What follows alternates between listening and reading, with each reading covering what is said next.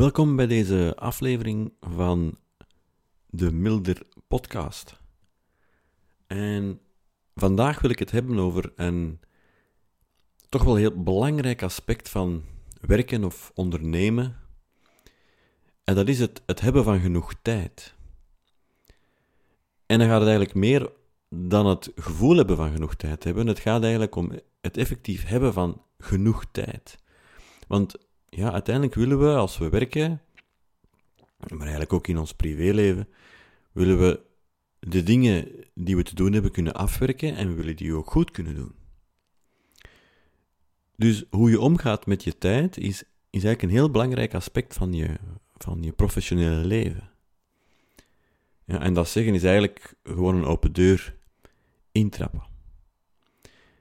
En wat de meeste mensen met wie ik spreek als ik uh, zo workshops uh, ga geven, en ook toen ik zelf vroeger nog op de werkvloer, of nu, nu nog op de werkvloer sta, is wat de meeste mensen heel erg herkennen, is dat ze gewoon niet genoeg tijd hebben om de dingen die ze moeten doen, te doen en zeker al niet om die goed te doen. Ze hebben het gewoon te druk. En een heel groot probleem van het te druk hebben is dat je dan heel zeker niet meer toekomt aan proactief werken. Aan nu vooruitdenken om problemen in de toekomst te vermijden. Om nu systemen in plaats te zetten om terugkerende problemen te vermijden. En dat komt omdat je steeds weer getriggerd wordt om op bepaalde zaken te gaan reageren. Daardoor is er eigenlijk geen ruimte, niet meer voor proactiviteit. Nu, hoe kan je omgaan met je tijd? Dat je een deel van die elementen die je steeds weer triggeren om te gaan reageren, om in reactiviteitsmodus te gaan, en die je dus tegenhouden om proactief bepaalde dingen te gaan implementeren, die je echt zouden vooruit helpen. Om bepaalde dingen die je tegenhouden om genoeg ruimte te creëren om je creativiteit naar boven te laten komen met goede ideeën. Hoe kan je daarmee omgaan? Ja? Hoe kan je met dat soort van elementen beginnen omgaan? Want wie zou er niet meer gedaan krijgen en ook veel meer kwaliteit kunnen leveren? Als je meer tijd zou hebben om je werk te doen. Dat is evident. Maar, fact of the matter is, we hebben gewoon niet de tijd om alles goed te doen. En als ik met mensen uit het bedrijfsleven praat, dan blijkt dat ook heel duidelijk. Er is al te weinig tijd, zeggen ze, om op alles te reageren wat er binnenkomt aan vragen en problemen en aan branden die er moeten geblust worden. Hoe zouden mensen dan toekomen aan proactief werken? Of uit het grondig uh, onderzoeken van bepaalde dossiers of problemen die zich stellen. Ik ben ervan overtuigd dat mensen in principe geen gebrek hebben aan coole ideeën over hoe ze hun werk beter en efficiënter kunnen doen. En hoe ze hun werk ook met meer fun zouden kunnen doen. Ja? Ze zouden eigenlijk gewoon veel meer fun hebben op het werk. Maar om op ideeën te komen, is er gewoon tijd en ruimte nodig. En om die ideeën vervolgens ook nog eens te implementeren, heb je ook weer tijd nodig. Dus op die werkvloer zit je eigenlijk in een voortdurend spanningsveld. Tussen reactiviteit noem ik het dan maar, het reageren op vragen die binnenkomen, e-mails, brandjes die moeten geplust worden, aan de ene kant, en proactiviteit, het komen met ideeën over hoe het beter kan en deze ook nog eens implementeren aan de andere kant. En we weten waar we eigenlijk het meest mee bezig zijn. Namelijk met reageren en brandjes blussen. Maar we weten ook dat we misschien liever nog iets anders zouden doen. Of er in elk geval daar tijd voor willen hebben. Namelijk dat proactieve. En we weten ook dat dat proactieve, het werk, het bedrijf, de cliënten enorm ten goede zou komen. En het zou ons werk ook nog eens plezanter maken. Nu, om dingen gedaan te krijgen, dus ook om die proactieve dingen gedaan te krijgen, dat is niet gemakkelijk. En dat vraagt eigenlijk in eerste instantie dat je dus inplant in je agenda. En dat je vooraf uitzoekt wat je moet doen en dat je daar eigenlijk ook een commitment dan rond maakt. En dat gebeurt ook wel, denk ik, met heel veel goede intenties. Maar wat er in de werkelijkheid gebeurt, is dat er toch voortdurend beslag wordt gelegd op onze tijd en op onze agenda. En dat die focus dan toch weer terugkomt liggen op dat reactieve, reactieve aspect van ons werk. En toch zijn we het er allemaal over eens. Zowel management, uh, ook als je zelfstandig als ondernemer erin staat. Iedereen is het erover eens. Proactief werk te werk kunnen gaan is belangrijk. Problemen vermijden is belangrijk. Er zouden zoveel problemen vermeden worden. Vele ideeën zouden naar boven kunnen komen en geïmplementeerd geraken, enzovoort. Dus we moeten eigenlijk een manier vinden om die elementen die ons, die ons in reactiemodus doen schieten, om die eigenlijk zoveel mogelijk te elimineren, of op zijn minst om die te beperken. Nu, onlangs hoorde ik uh, Dean Jackson, en dat is een Amerikaanse business consultant en marketing specialist, uiteenzetten dat hij vier grote boosdoeners ziet die hem, en ik denk ook de meeste van ons, steeds weer in die reactiemodus laten schieten. En die, die vier grote boosdoeners zijn eigenlijk redelijk evident. Zo vaker met business consultants dat die evidente dingen zeggen, maar daarom is het toch niet, toch niet minder interessant om ze toch even te bekijken. En de, de eerste boosdoener is e-mail. Ja, dat is helemaal een open deur intrappen. Hoeveel van ons doen het niet? Als het eerste ding wat je het kantoor binnenkomt, of misschien doe je het al thuis op je smartphone, even je e-mails checken. Dat is hoe je je dag start. Want je weet nooit wat je in je mailbox gaat vinden. Er kunnen misschien een aantal vragen van potentiële klanten in zitten. Misschien zijn die zelfs veelbelovend. Of er is een melding van een bepaald probleem. Of een vraag van een interne dienst die dringend is. Maar er kan ook tussen die mails een, uh, een mail zitten met een grappige link. Die iemand heeft doorgestuurd. Of een link naar een interessant artikel. Of een interessant interview. En dat ga je dan even lezen. Want je, bent, je, je hebt de mail nu terug geopend. En in dat interview zit misschien ook eens een interessante link, enzovoort. En voor je het weet, geraak je dus in een soort van kettingreactie.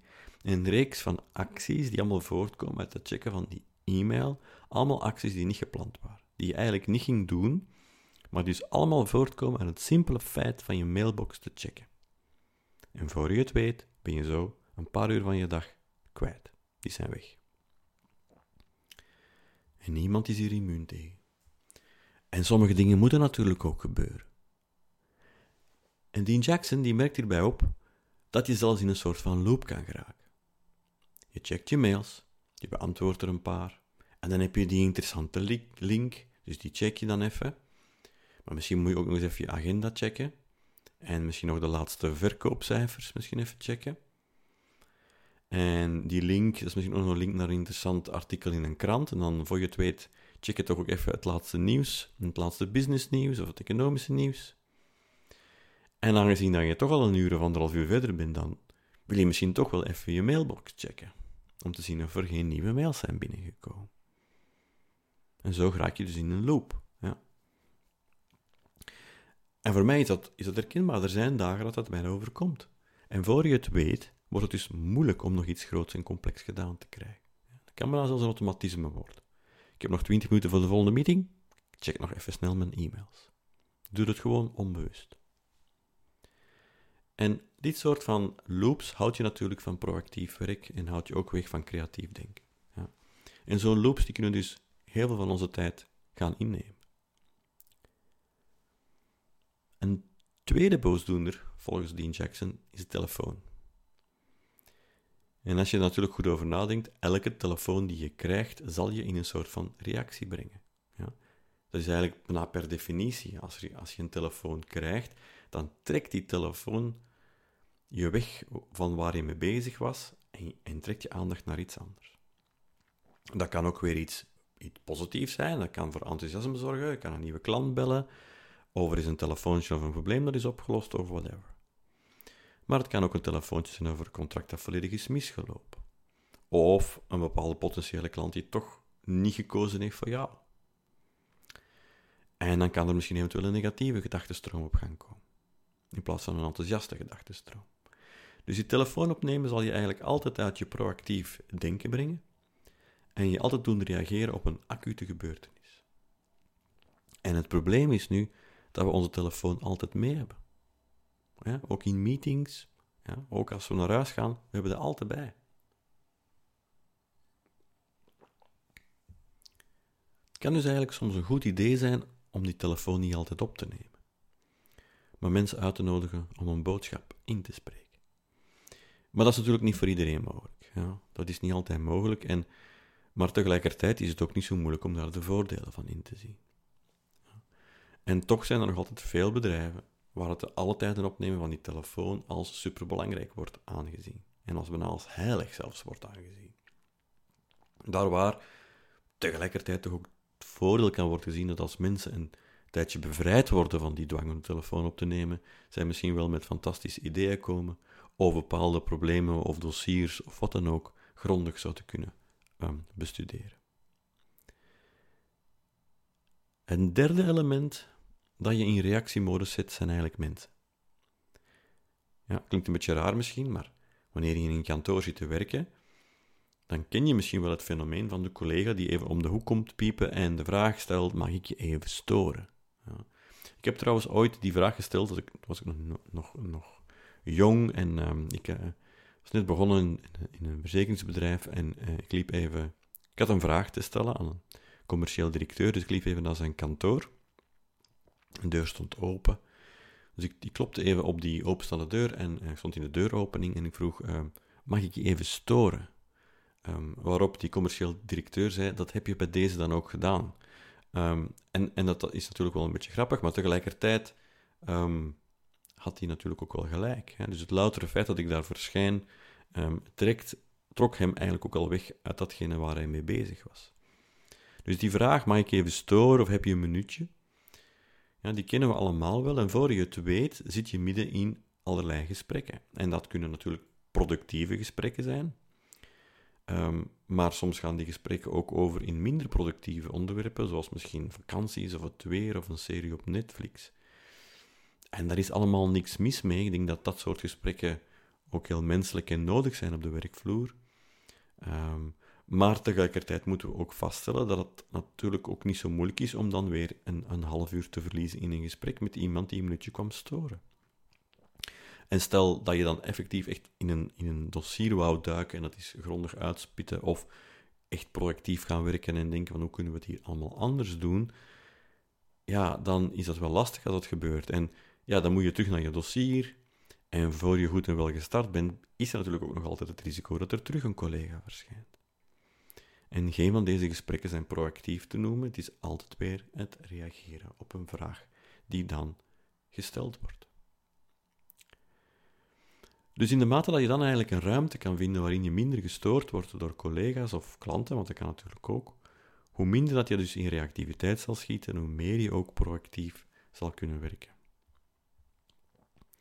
En we zien toch ook wel dat veel bedrijven dit beginnen in te zien. Hè? Dus meer en meer bedrijven, bedrijven beginnen eigenlijk soort van cockpitruimtes in te richten voor hun uh, personeel, om juist, die, um, om de juiste mensen eigenlijk toe te laten om meer um, afgeschermd van dit soort vragen te kunnen werken. Om echt aan te geven van, kijk mensen, ik ben nu echt in diepte in een bepaald dossier aan het werken, of in een bepaald project aan het werken. En ik wil even niet gestoord worden nu. En dat is toch wel een, een zeer positieve evolutie. Dus we hebben daar die drie um, elementen. Maar dan is er toch nog een grote factor die je uit je proactief werken kan houden. En dat zijn je eigen gedachten. Want ja, je kan wel beslissen om proactief een bepaald project of dossier te gaan uh, in diepte te gaan. Maar dat betekent niet dat je op dat moment niet in een hele gedachtenstroom kan terechtkomen die niets met je werk op dat moment te maken heeft. Er kan gewoon één gedachte opkomen en die kan een andere met zich meebrengen en je bent, je bent vertrokken. Ja, dat, is, dat is echt grappig als, je, als je erover nadenkt. Het kan bijvoorbeeld zijn dat je plotseling denkt dat je, dat je, dat je vanavond um, spaghetti bolognese ging maken en dat je plotseling begint te denken dat je um, geen ajuin of geen tomaat meer hebt en dat je dus straks nog naar de winkel moet gaan, maar dat die winkel vandaag gesloten is, dus dat je misschien nog naar een andere moet gaan en hoe dat dan moet organiseren. En voor je het weet, zit je in een hele gedachtegang, een hele gedachtegang die in wezen niks te maken heeft met het dossier waar je mee ging bezig zijn. Het is bijna zoals het, het fameuze vlindereffect, maar dan werkzaam in je eigen geest. In je eigen geest ja? Dus één kleine gedachte, en voor je het weet ben je helemaal weg. En heel wat van je denkt en doet begint dus met één gedachte. En misschien wil je dus wel werken aan dat project, maar dan bedenk je dat Peter nog moet bellen voor een bestelling. En dan bedenk je dat de vorige levering misschien wel een probleem was en dat je dat nog moet aankaarten bij die leverancier. Maar daar heb je eigenlijk geen zin in. Maar dan begin je toch na te denken van hoe moet ik dat dan aanpakken? Misschien moet ik dan toch eerder een mail sturen, maar wat schrijf ik dan weer? En misschien ben je dan in gedachten die e-mail aan het schrijven. Dus dan ben je ook wel, wel aan het werken, in tegenstelling tot de spaghetti bolognese. Maar je bent wel niet bezig met het project fotossier waarvoor je hebt afgezonderd in die cockpitruimte. En al deze factoren werken natuurlijk op elkaar in, want stel dat je zo'n gedachtegang hebt en je hebt toch nog toegang tot het internet, dan ga je misschien wel toch nog op zoek gaan naar mogelijke andere leveranciers. Even snel checken zo. En ben je weer vertrokken. Dus uh, dat is een, dat is een, gedachten zijn dus ook die mogelijke trigger om in reactiviteit te gaan. Dus je hebt zelfs helemaal geen externe trigger nodig. De conclusie, conclusie is dus dat als je proactief wil werken en je wilt focussen op een bepaalde taak, dan moet je daar eigenlijk voor jezelf zo van optimale omgeving gaan inrichten. Waarin zo weinig mogelijk van die triggers aanwezig zijn. Voor mij betekent dat dan dat ik ervoor zorg dat ik geen toegang heb tot het internet, zodat ik mijn e-mails in elk geval niet kan checken, en ook geen kranten of andere nieuwssites. En dat ik ook ehm, de telefoon uh, niet inschakel en dus mensen een boodschap moeten inspreken. Um, en ik mij ook afzonder in een ruimte waar ik dan ook vraag dat mensen mij alleen maar komen storen als het echt dringend is. Ja. Dat is echt, uh, als ik echt op gefocust op een bepaald ding wil werken, dan is dat de omgeving die ik voor mezelf probeer te creëren. Dat wil dan niet zeggen dat ik altijd helemaal alleen zit, maar dat kan bijvoorbeeld ook zijn dat ik mij, dat ik mij bijvoorbeeld in de bibliotheek zet. Ik zit soms te werken in de bibliotheek. In de bibliotheek. Omdat daar ook een soort van um, werksfeer um, hangt, of in elk geval een bepaalde rust hangt. Um, en de mensen rondom mij weten, of in elk geval de mensen uit mijn directe omgeving, mensen die met mij samenwerken, die weten op het moment van dat ze mij alleen maar moeten storen of alleen maar moeten bellen, als het echt heel dringend is. Dus als ik iets echt groot wil afwerken, dus het herwerken van mijn werkboek, het voorbereiden van een taak, dan ga ik dus naar de bib. Ik zet mijn telefoon op stil, ik word zo goed als niet gestoord. Ja. En, en um, het probleem is nu dat, dat um, een grote bibliotheek bij ons in de buurt heeft nu ondertussen ook al wifi. Um, maar daar heb ik dus bewust het wachtwoord niet van ingegeven op mijn laptop, uh, om niet in de verleiding te komen om toch nog mijn e-mails te checken. Op mijn laptop. Um, en zo kan ik me dus volledig um, een beetje afzonderen. En dus, ik heb al gezien dat sommige bedrijven dit ook meer en meer faciliteren. Ja, en ik denk ook wel dat dat slim is. Want ik denk dat je op die manier de middelen en ook dus de mensen die je hebt echt heel slim inzet. Je moet echt die optimale omgeving creëren die het beste is voor een bepaald doel te bereiken. En in dit geval is het oké, geconcentreerd werken in een dossier of een bepaald project. En daar is de beste omgeving, is nu helemaal voor dat je je kan afzonderen. Um, ik, ben, ik ben jarenlang actief geweest en ik ben het nu nog um, voor een stuk um, als jurist. En als jurist hebben we heel erg nood, als we adviezen moeten schrijven of we zitten in een concreet uh, betwistingsdossier, hebben we toch wel nood aan opzoekingswerk, uh, nadenken, um, lezen, bestuderen. Uh, dat zijn allemaal dingen die heel erg nodig zijn om in een concreet dossier echt tot de juiste en uitgebalanceerde oplossing te komen. En dat wordt, dat wordt toch nogal vaak vergeten. Hè? Men wil eerst wel al heel snel een antwoord. Uh, twee, uh, er wordt ook vaak van de jurist verwacht dat, dat die gewoon in een landschapskantoor uh, dan functioneert. En dat is toch mo moeilijk of bezwaarlijk een optimale werkomgeving te noemen voor iemand die echt in-depth helemaal moet gaan intellectueel werk gaan doen om een bepaald dossier uit te spitten.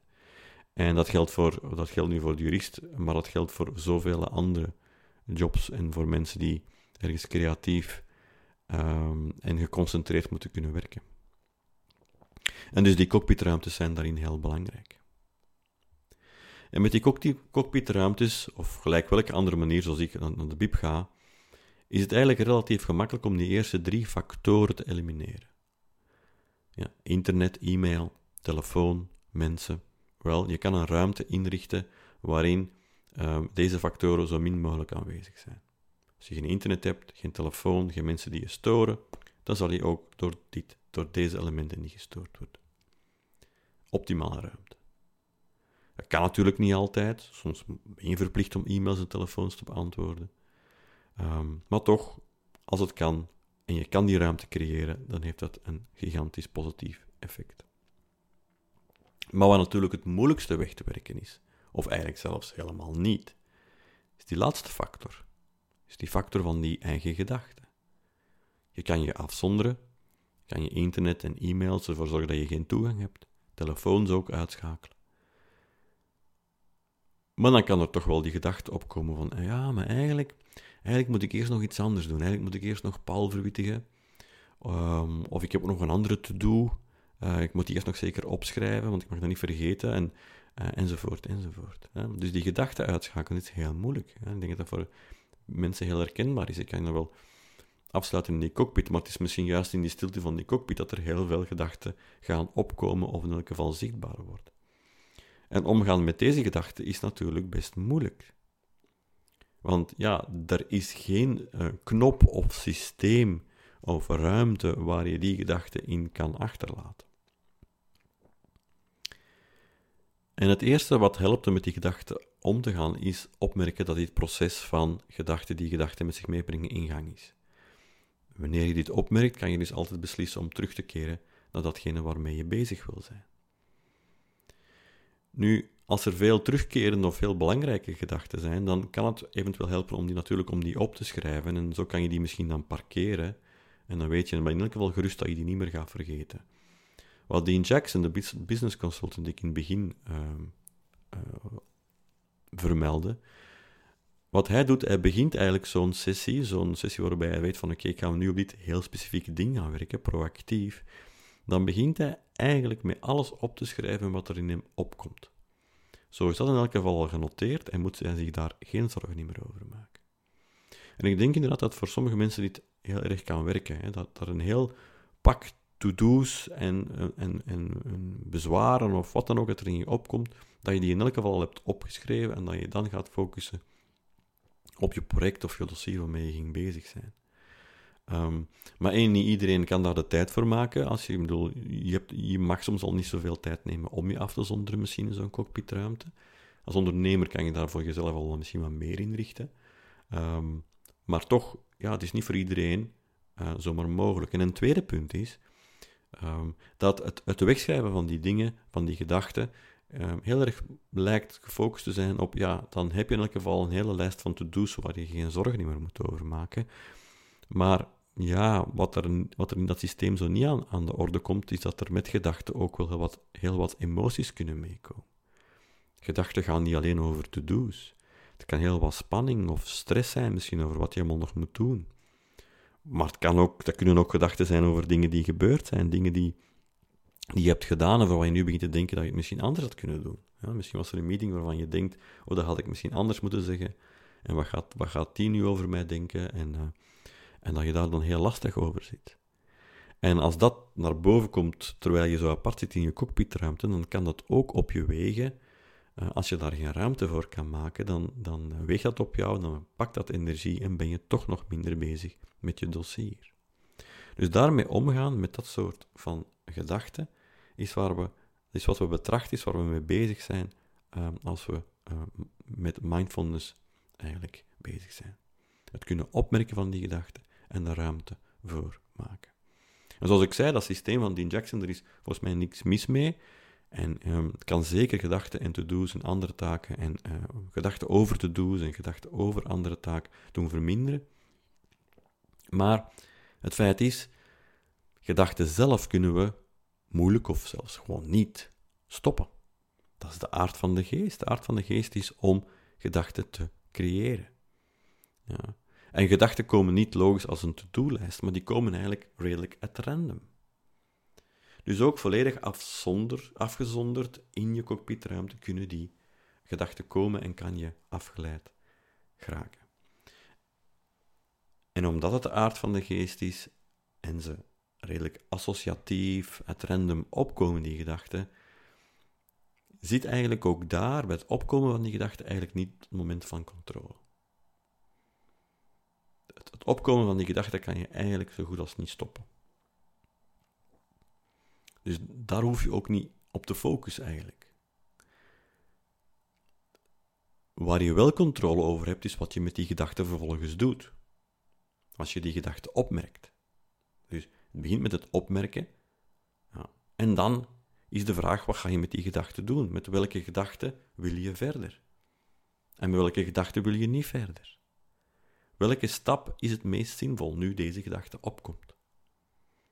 Dat is het moment waar je wel controle over hebt. Dat is het moment dat jij terug aan zet bent. Zodra je opmerkt dat die gedachte zich voordoet. En in mindfulness training en met meditatie maak je je eigenlijk vertrouwd met dit spel van gedachten. Gedachten die opkomen en de keuze die je er rond kunt maken. En je leert eigenlijk gedachten zien voor wat ze zijn. Gedachten, gebeurtenissen die zich aan jou voordoen. Je leert dat je eigenlijk niet samenvalt met deze gedachten. En je leert ook op te merken wanneer je er helemaal in wordt meegesleurd. Op te merken en dan terug te ontdekken: hé, hey, ik zit hier terug aan het stuur, ik ga terug kiezen. En dit dan ook te doen met een vriendelijke houding. Want die afleidende gedachten en emoties die eventueel meekomen, die kun je inderdaad weghouden van je werk. Dat kan ook maken dat je op een bepaald moment moet vaststellen dat je minder hebt gedaan in die tijd die je voor jezelf hebt gemaakt dan je had gewild. Dat is menselijk. Dit vaststellen dat dit menselijk is, maakt ook dat je minder op je kop gaat zitten. op je kop zitten, dat helpt meestal ook niet in die situatie. Dus ook daar heb je dan weer de keuze van, oké, ik stel dat nu vast. De gedachte komt op van, ik had wel meer kunnen doen. Maar ook daar creëer je eigenlijk wel ruimte om er vriendelijk mee om te gaan. En je creëert ook ruimte om dan opnieuw te beslissen, wat doe ik nu? Bewerk ik misschien wel langer? Boek ik al een volgende sessie in? Maar niet op je kop zitten. Ja, dat helpt niet.